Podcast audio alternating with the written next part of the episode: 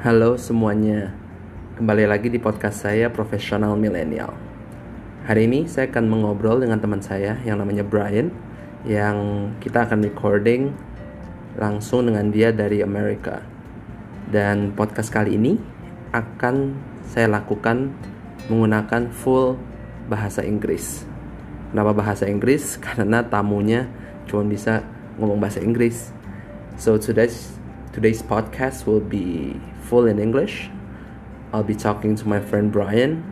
He's in Idaho. We'll be talking about his early childhood in the Philippines, growing up in Indonesia, flying to Hawaii, studying in Hawaii, his missionary missions, his affiliation, his religion, and all his experiences in life, which I feel is very interesting to hear, and how right now he's living in Idaho. So, everyone, please check out and listen.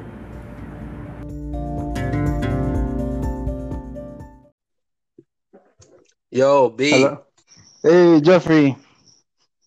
How's it going, man? Going good, going good. Just excited. I can't believe like it's been like years and years since we spoke. yeah, dude, it's been uh I think ever since I grad ever since we both graduated, yeah? Yeah, and it's been like what? 8 years? Probably. 9 years. I think just Dude, going nine to years. 9 years. Yeah. Ooh, that's crazy. Yeah, time flies so fast. right, right, right. You're you're like how I wanted to invite you to this podcast because you were like one of the first one to respond and message me about the podcast about how you know the podcast really connected with you and everything so i thought wow but you know i i knew like i was i was always like a bit curious about your journey as well so i just felt Mhm. like i wanted to do a podcast with you Oh, sweet, dude. Hey, thank you so much. I'm honored to be here for sure. right right right so like i like we met in indonesia right we met in high school but hmm you were a filipino so why not start with that how did you end up in indonesia Oh, okay. So, um, so it was actually right after my mom's divorce, and Right. yeah, so my mom got divorced, and then all of a sudden, out of nowhere, an old coworker of hers gives her a call and says, "Hey, there's this job in Indonesia. I think you'd be great for it." And so she went to Indonesia for about a month, and then kind of scoped things out, you know. And once she thought that it was a good place for her to bring her kids, then she brought us over. And were you in uh were you in 5A in grade 5? no no no i was in a different class Okay, okay. Yeah, so that's that's when we got there. That's how we got there is uh basically my mom got a job and you know, it came with great benefits and it allowed her to take us to take us along with her and so. Wait so you moved to indonesia just like with your mom and your sister is it Yeah, so just with my mom and my two sisters. So yeah, she was working as an expat. Yeah. well that that must be like quite a change for you isn't it Oh, dude, yeah, it was because like we were living with a bunch of family around us, so um, so we were living in this neighborhood where all the families were just we were just surrounded by families. And then when we moved to Indonesia, it was literally just my mom and my sisters. So it was quite a big change.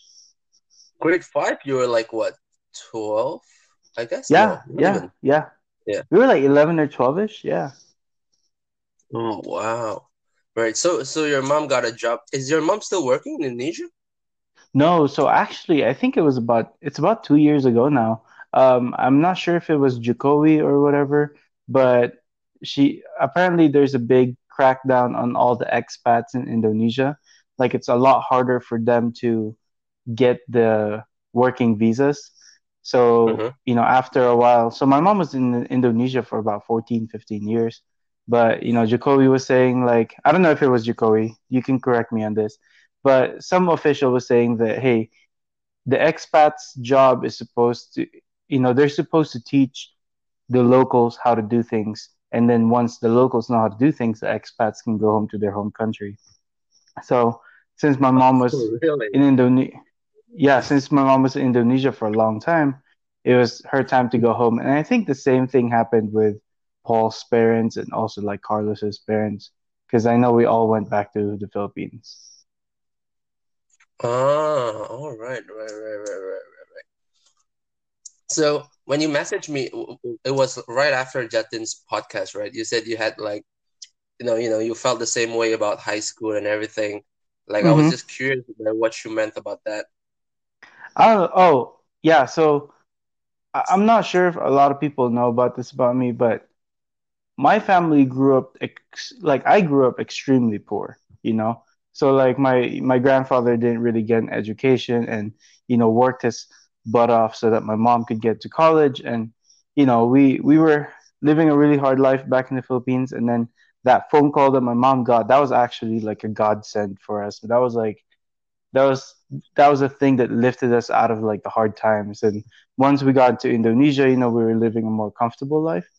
And then you know, like when you and Jatin were kind of talking, and I mean, like you know, we we went to an international school, and there were there were people whose family was really wealthy, and I always felt kind of I don't know, I wouldn't say pressured, but I guess there's that peer pressure to be on the same level, even though I know that it was impossible for my family to do so. So like Right. I oftentimes guess I would like what what was that?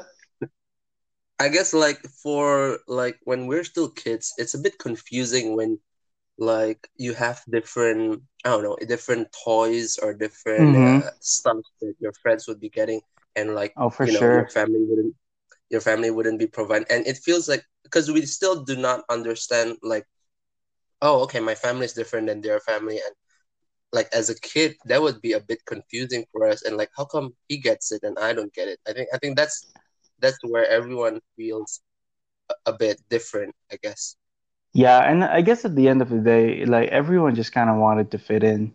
Like I remember, I think it was like grade six or grade seven.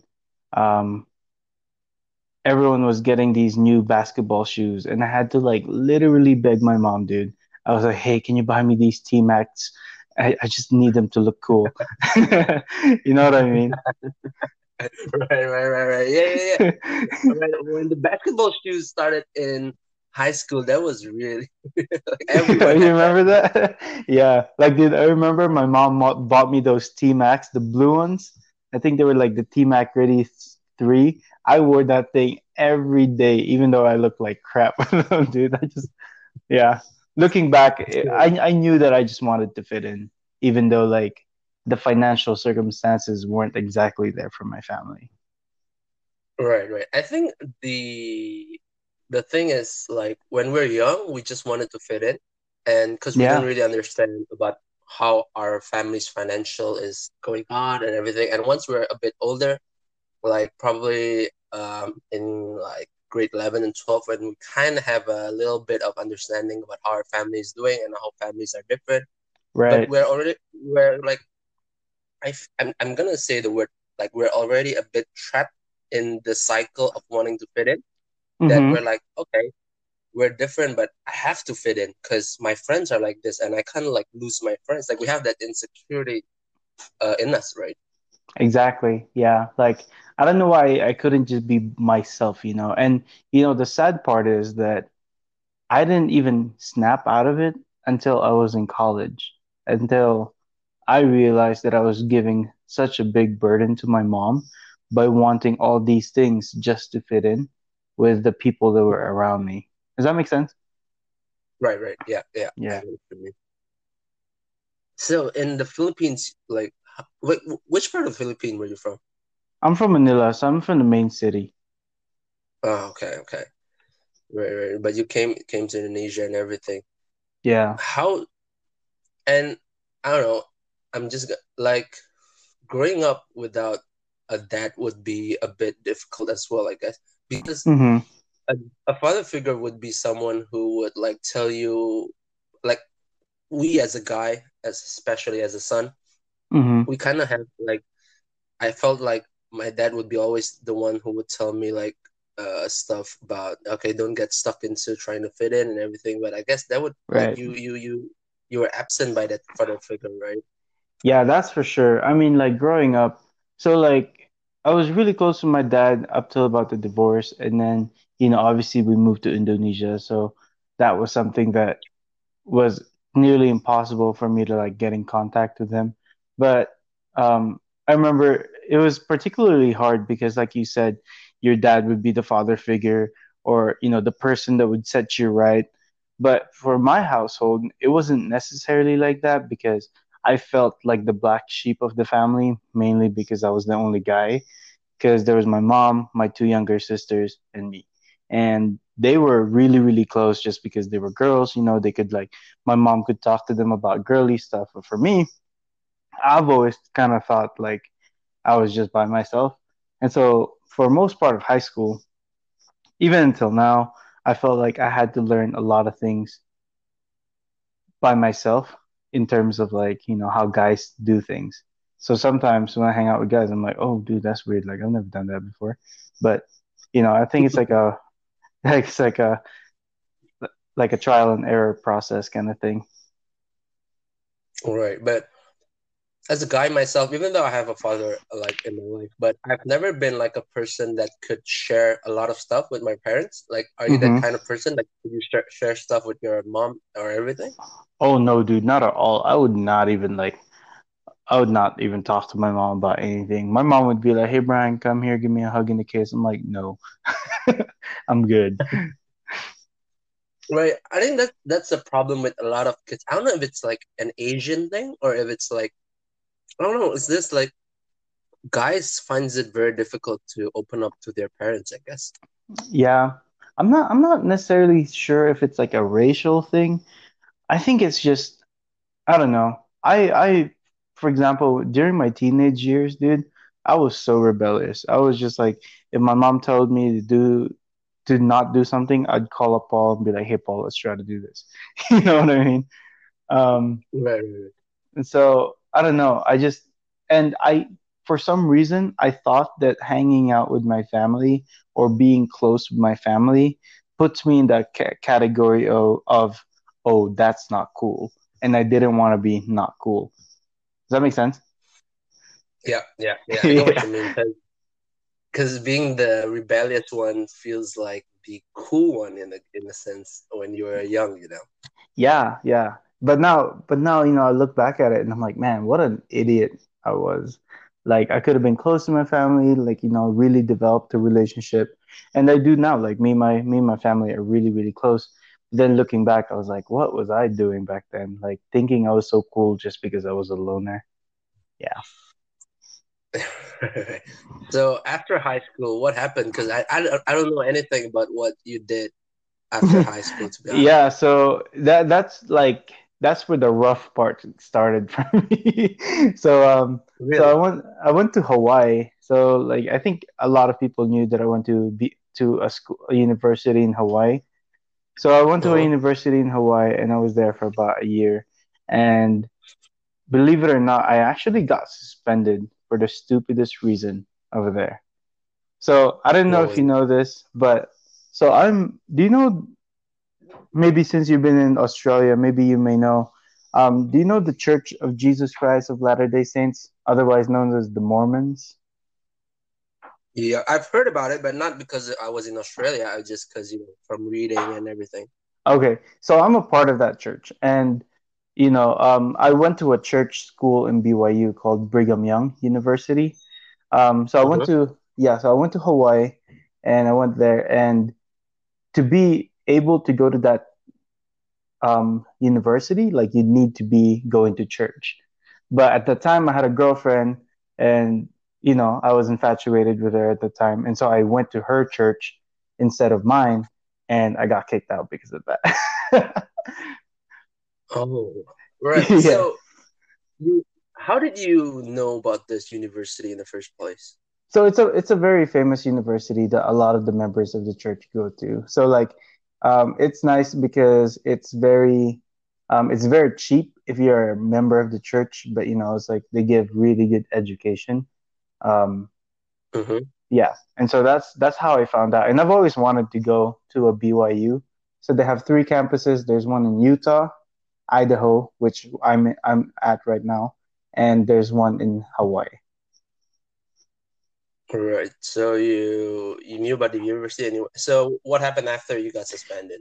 So dude, after I got suspended, I was like, you know, like I was like, F it, like I'm gonna just live my life the way I did when I was back in Indonesia, which was having fun, you know, going to parties and trying to find friends that are quote unquote cool.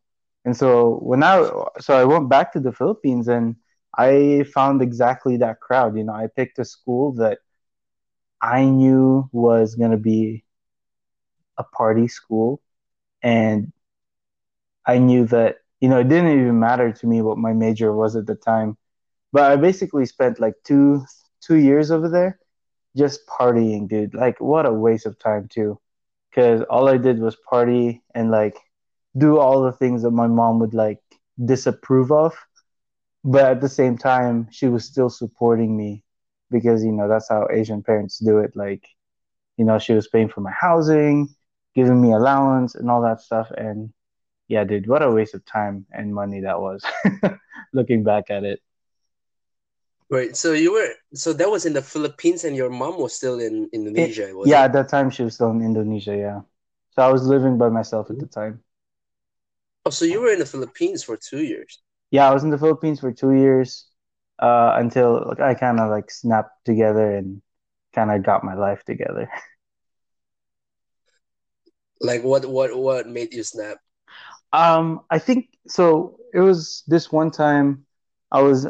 I don't know if Paul knows this, but I was having a beer with Paul when he came to visit. But I was having a beer with him, and I just looked at him and I was just like, man, this guy got his shit together, you know. And I was and I was looking at myself, kind of, you know, doing a self reflection. I was like, I gotta get my stuff together. Like my grade, my grades were terrible. I was always constantly broke because I was always using my money for partying and you know, going out to get drinks and whatever. And so I just thought to myself, I was like, I gotta get myself together. Um, and so, do you know? Do you know about the Mormon missionaries? No. Okay, so my church have missionaries where, you know, we go, um, we go to a country for two years, and we're unpaid. We, we it's basically like a voluntary service to, um, to spread the gospel and so, even though at the time I wasn't religious, I knew that having that lifestyle, that missionary lifestyle, would somehow bring some order into my life at the moment. And so I did that.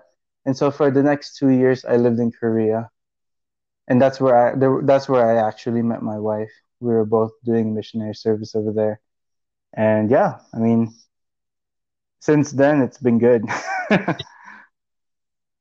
right. So you were in you were in Indonesia, then you went to Hawaii for a year. Yeah. Then you went back to the Philippines for two years. yeah.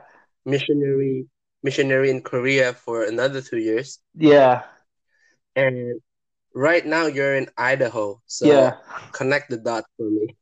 yeah, dude. So basically I went back from being a missionary and I had I had my crap together I was I thought that you know I was finally the person I want to be, and then I moved here to mm-hmm. finally finish my undergraduate, dude. It took me like literally close to eight years to finish my undergraduate because I screwed up so much. Why why did you choose Idaho? Um, like I said, it was one of the one of the church schools and this was like, oh, right. yeah, I knew that if I were to go back to BYU Hawaii, that I'd just slack off again because basically every day I went to the beach over there and I never studied. But in here, it was in the middle of nowhere. There's so much snow that all I did was study. Oh, yeah. Okay, okay. Idaho. Yeah. Where's, where's Idaho? It's ah, dude, it's on. It's right next to Oregon. Oh, right, right, yeah. Right. So, so what did what did you take for your undergraduate? So I did. I finished my business management with a focus on entrepreneurship. Oh. Yeah. Right. So that was like. So you graduated like a year ago. Yeah, I graduated like a year ago. Finally. right, right, right. So what what's what what are you doing right now? So right now I'm a general manager for like a restaurant here in town. Mm-hmm. Yeah, I got that job just because I knew the old general manager and she was leaving, so I was like, hey, just got out of college. I love working in kitchens. I've worked in kitchens my whole like, you know, right after high school. I'd love to be in this place. And so she gave it to me and now I just work there while I'm waiting for my wife to graduate this semester. Uh, so your wife is still um, studying, is it? Yeah, so my wife is still here and she finishes in July. And our plan is to get to again go back to the Philippines. Oh, so your plan is to go back to the Philippines? Yeah, yeah. So I actually want to open my own pizza business in the Philippines pretty soon, but I'm I'm, I'm really not sure how I would do it just because of COVID. That's that kind of made my that kind of put a block on my plans to be honest with you. All right. So so why why why do you want to go back to the Philippines? Like why don't you want to stay in Idaho or or in America? Um well, I don't know if you know what's happening in America right now, but I really think it's a good place for me. I know be. what's happening right now, but but I'm pretty sure you made I'm pretty sure you made the decision because before all this happened. Yeah, yeah, yeah. That's the, I'm, I was just bringing it up, but um, I don't know, man. Like for some reason, I don't know if you've ever felt this before, like while you were in Australia or whatever. But I was, I've always had this pull to go home back to the Philippines. Like I feel like I could make a bigger impact in the Philippines than I could here because you know having grown up in poverty my vision for the future like maybe 10 years from now is to eventually so, kind of start a way for me to teach other people around the the Filipino community to I don't know bring themselves out of poverty. And I know that's a really hard like job to do but I feel like people just need education about money and about you know like finances so that's like the thing that's pulling me back there because I used to be in that situation you know where my family was really poor and like really struggling day to day but you know we were able to get out of that and now I feel like if I were to go back to the Philippines with the knowledge that I've learned over the years being outside of Philippines I feel like I would be able to make at least a small dent, even if it's a tiny dent, dude. That's all. That's all I want. I just want to make a difference, and so that's something that's pulling me there. I don't know how to execute it yet, but I know that's what I want to do. Wow, wow, that's that's a really really good. I'm like I know it's gonna be hard, but that's a really good plan, and that's a really like it's a very noble thing to have. Like when I was in Australia, I even I wanted to go back to Indonesia, but at that time I just felt like the opportunities would be better for me. Right. Because right. at that time I didn't know better. Because that was like four years ago. I, I didn't know better about like right now after in Indonesia for a few years and me having a little bit of business, like what you just said is really really great because to be an entrepreneur you gotta have a social impact. You gotta have to because for sure you're you're never gonna make it without a social impact. Because to be an entrepreneur, you gotta know that you have to be a social entrepreneur. Because you're not gonna make it. Because you're just if you're just gonna think about making money, and if you're just gonna think about you know being rich and you know it's just like going back to high school once again you know like when if you have the social impact in your mind that's when you start make a change and that's when you really grow your business and you know as an entrepreneur as well yeah and and, and I think you know I think you know everything you said was phenomenal and like very to the point. I think for me it it's mostly like it's a little bit more personal to me because like I said when I was in the Philippines I grew up with you know I grew up in poverty like half of my life basically and I grew up around people who were so loving and who were also just they were kind people, but they were struggling because of poor decisions, either by them or by themselves, or you know, by someone in the, within their family. And you know, whenever I go back to the Philippines, it always it always surprises me how different people's priorities are, and I feel like with just a little bit of like extra push that people can just skyrocket, dude. Like I have people that I personally really care about who are just fine sitting and doing nothing because that's the norm. You know, but I personally feel like if I could educate or at least help him out, that he or she, you know the impact because I don't know, someone made an impact in my life, and I just want to return that because I used to be the one who's just, you know, when I was in the Philippines, I was just partying, drinking, and you know, making all these negative habits. And someone took the time and opportunity to like talk me out of it and really pushed me out of my comfort zone. And that's what led me to where I am now. If I could do that to someone in the Philippines, I'd be I'd be way happy with even even if it doesn't make me money, I'd be way happy.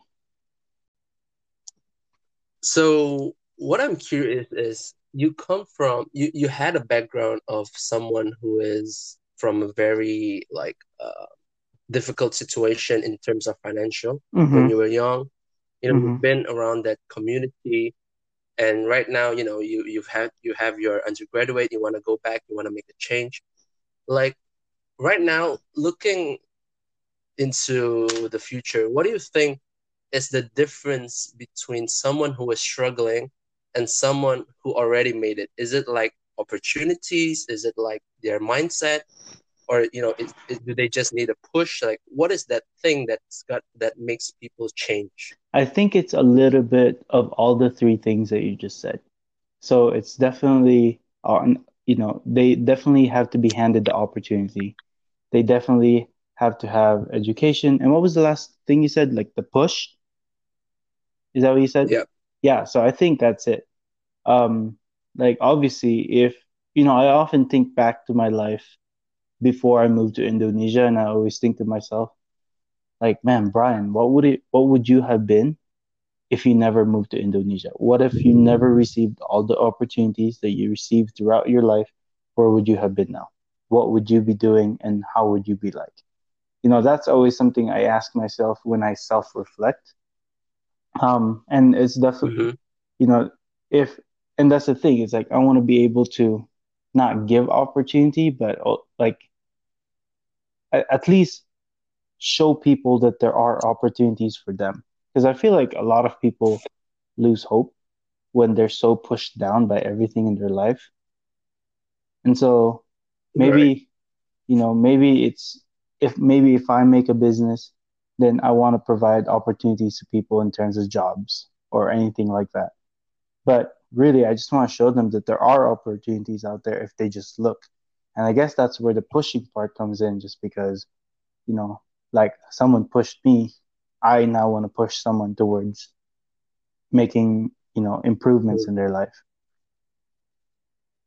Yeah. Because this is like the most uh, common dilemma not like dilemma but more like the question that everyone has to answer because mm-hmm. at some point you got to be content with your life you oh, know because sure. you know you got to be grateful with what you have and everything but sometimes on the other hand you got to be a bit ambitious as well so finding that middle line is very very tricky especially you know if you want to help someone and you feel like he, he needs a bit of push and he feels like he is already content with what he has and he just like he, he's like what you said he's fine with sitting around. So that's like tricky you know? Yeah and, and that's really the tricky part that i often ask myself. And you know i don't have all the answers. All i know right now is that eventually along the line from maybe five to ten years from now that that's what i want to do and that i always want to be doing a little bit towards that i mean of course i want to focus on my business and my family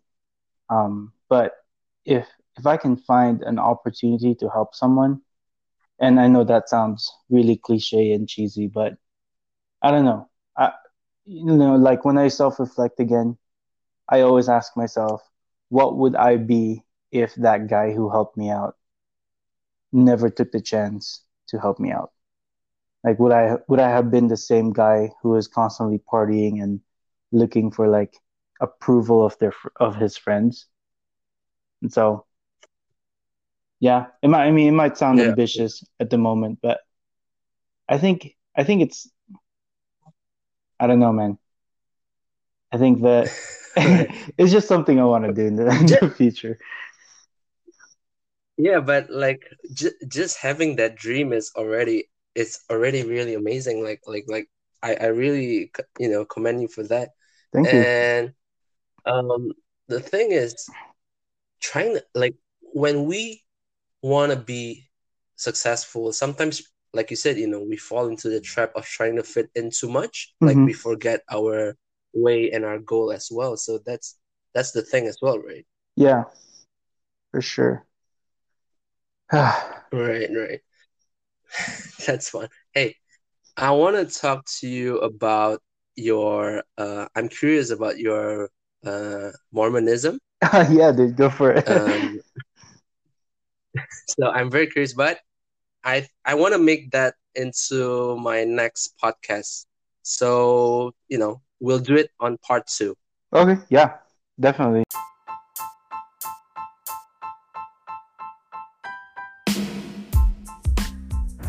Thank you everyone for listening to that podcast. That was a fun podcast to do. I've always liked to invite people from different background, people from different places and you know, just a different point of view and just trying to get different opinions about stuff. So it's very very interesting learning from everybody.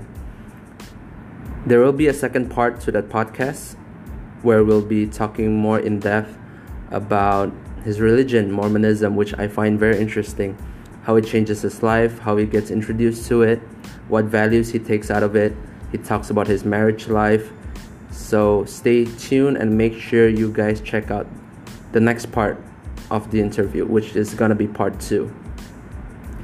So going back to the podcast we just did, I've always admired people who want to be an entrepreneur but at the same time want to have a social impact just like Brian, you know, he always had a dream of going back to his childhood city back in the Philippines and helping out his community. I think, you know, at the end of the day that's what everyone has to dream about, you know, whether you're successful or not, but you just you, you gotta have that dream of helping others. So i really really admire that. So yeah thanks again. Uh, please make sure to check out our instagram profile at professional millennial where i'll be posting about the next part of the interview. And message me to if you want to be my guest or if there's anything you want me to talk about. So see you for the next part of the interview. Bye bye